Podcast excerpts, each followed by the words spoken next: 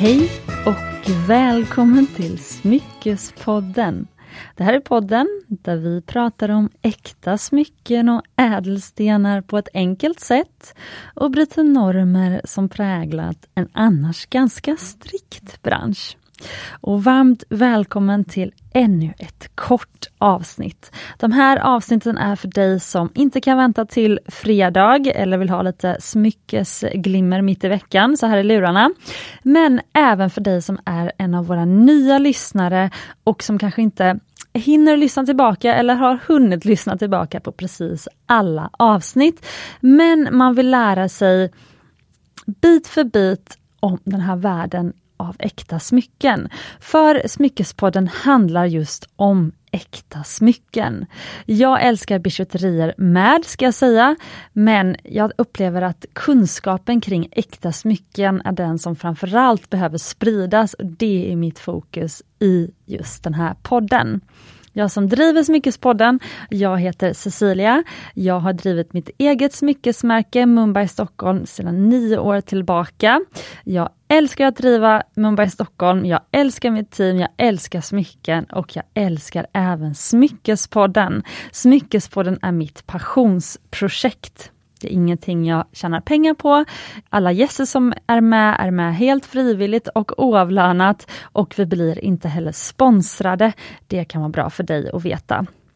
De gäster som får komma till podden är med av anledningar som kan vara att de har bra kunskap att sprida, att de är engagerade inom ett visst ämne, att de delar Smyckespoddens värderingar som handlar om att sprida just kunskap och glädje kring äkta smycken.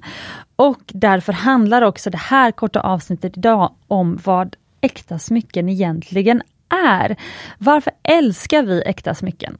Och jag ska säga en kort fras som du kan skriva upp på en kom ihåg-lapp och alltid hänga ovanför sängen. Det finns nämligen en enkel tankeregel som du kan använda för att skilja mellan äkta smycken och oäkta smycken. Oäkta smycken är det som också kallas för bijouterier. Äkta smycken är de smycken som du aldrig tar av dig. men några få undantag. Men om du tänker på det på det viset så är det ganska enkelt att veta vad äkta smycken är och framförallt veta när man har på sig ett äkta smycke. Dina äkta smycken, de blir nästan som en del av dig. Äkta smycken är gjorda av ädla metaller och ädla stenar. Och det finns definitioner på det. Man kan inte kalla vilken sten som helst för ädel och man kan inte kalla vilken metall som helst för ädel. Ädla metaller är följande. Guld, silver och platina och på senare tid även palladium. Och Det som skiljer dessa fyra metaller från andra metaller där ute, det är att de inte rostar. Du kan alltså lägga din guldring på en eh, parkeringsplats eller på havets botten eller gräva ner i rabatten bredvid din favoritblomma. Och sen gräver du upp den hundra år senare och då har inget hänt med metallen.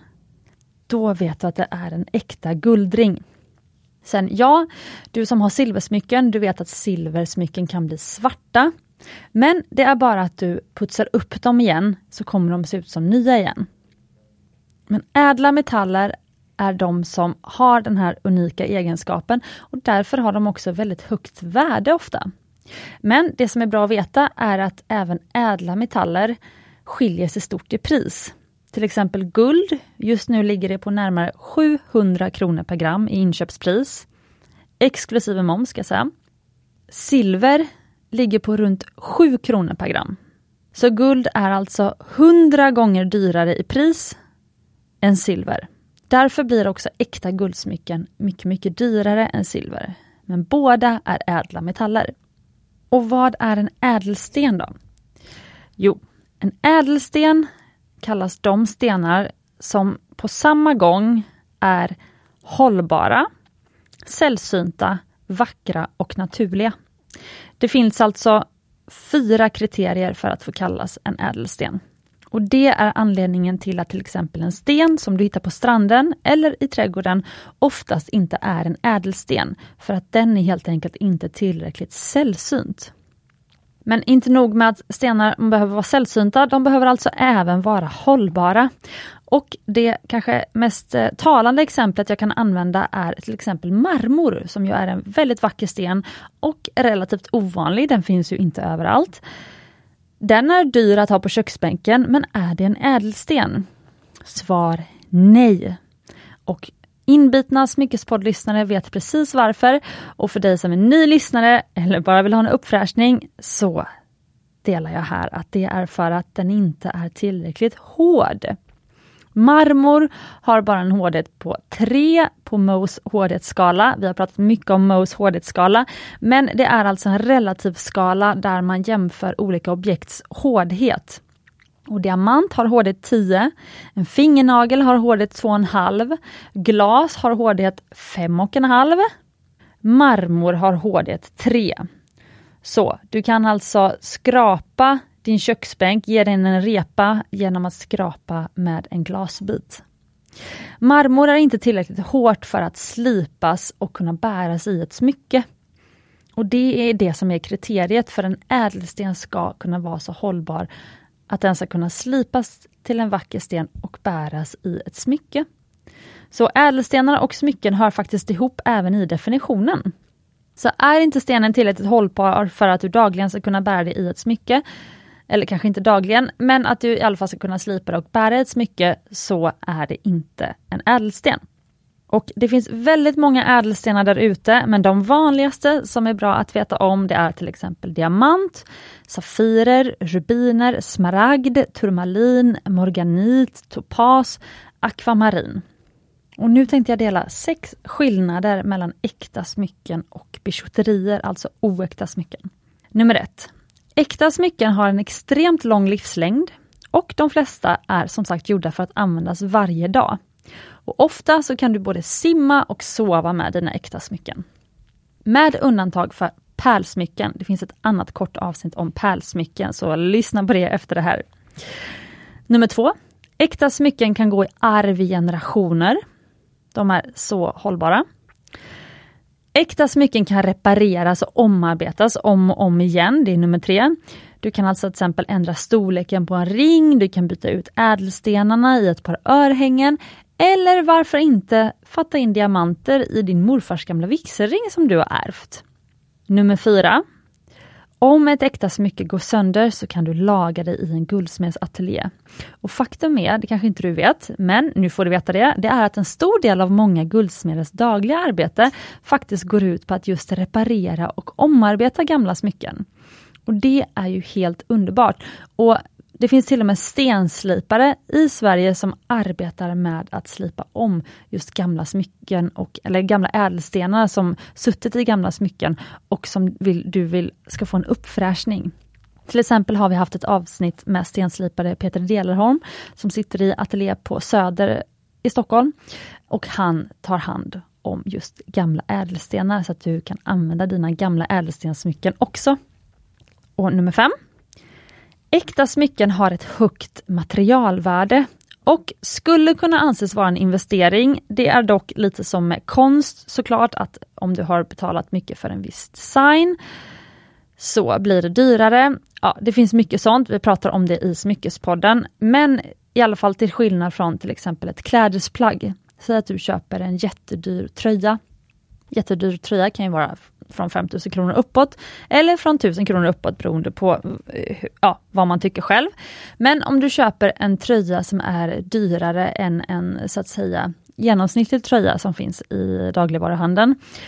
Så om du tar isär tröjan så finns det kanske inget materialvärde kvar. Och samma sak med en ring som kanske är köpt, en bijouteriring som är gjord i ja, något material som plast eller eh, eh, mässing eller vad det kan vara. Det har inte heller ett värde i materialet, alltså lägger du det på en våg och väger det så får du inget värde tillbaka. Du kan inte lämna det till en pantbank. Men ett äkta smycke har ett värde i sig och du kan direkt omsätta det i pengar. Om än så kommer du förlora kanske hantverkskostnaden eller designkostnaden. Men om du lägger smycket på en våg och väger det och det är i äkta guld eller platina eller silver, då kommer det finnas ett materialvärde i det som du kan till exempel lämna in till pantbanken och direkt få pengar. Det är äkta smycken. Och sista punkten, du ska inte vara rädd för att bära dina äkta smycken. De är gjorda för att bäras. Ädelstenarna är som ni nu vet utvalda för sin hållbarhet och metallen, guldet, kan putsas upp om och om igen. Om du tar hand om dina äkta smycken, du ska få skötselråd i ett annat kort avsnitt, så kommer ditt smycke vara lika fint om många, många, många år. Och det är också därför som det kan ärvas i generationer. Sista punkten nu är lite aktuell just nu och det är se upp för guldpläterade smycken. Alltså på senare år så har det blivit populärt att täcka smycken i silver med ett tunt lager guld. Och för övrigt kan det ju vara ett annat material bakom också, det är inte, de är inte ens gjorda av silver alltid. Men då kallas det för guldplätering. Och just när det är silversmycken som täcks med tunt lager guld så är ju faktiskt materialet under också ett äkta material. Så man skulle ju kunna sälja det som äkta smycken. Men låt det inte förvillas. Alltid när det är guldpläterat så kommer du inte kunna bära det som du bär ett äkta smycken. Guldpläterade smycken har en betydligt kortare livslängd än smycken gjorda av genomgående guld. De slits kraftigt vid användning och pläteringen skavs av. Och det vet ju väldigt många av er redan. De flesta har ju blivit intresserade av äkta smycken, eller många av oss har blivit det, för att vi blev trötta på att köpa bijouterier eller köpa smycken som inte höll. Så tänk på det, se alltid till att du köper smycken som är gjorda av genomgående samma material. Det är då de kommer hålla och det är då det är äkta smycken. Och med detta så tackar jag så mycket för att du varit med mig här den här måndagen. Och om du har önskemål för vad nästa korta avsnitt ska handla om så skriv DM på Instagram. Om det är något särskilt du vill att jag ska gå igenom, om det är något vi ska gå igenom på djupet, skriv det. Och på fredag är vi tillbaka med ett nytt härligt långt avsnitt, så vi ses då. Och glöm inte att du är värd äkta smycken och ädla stenar.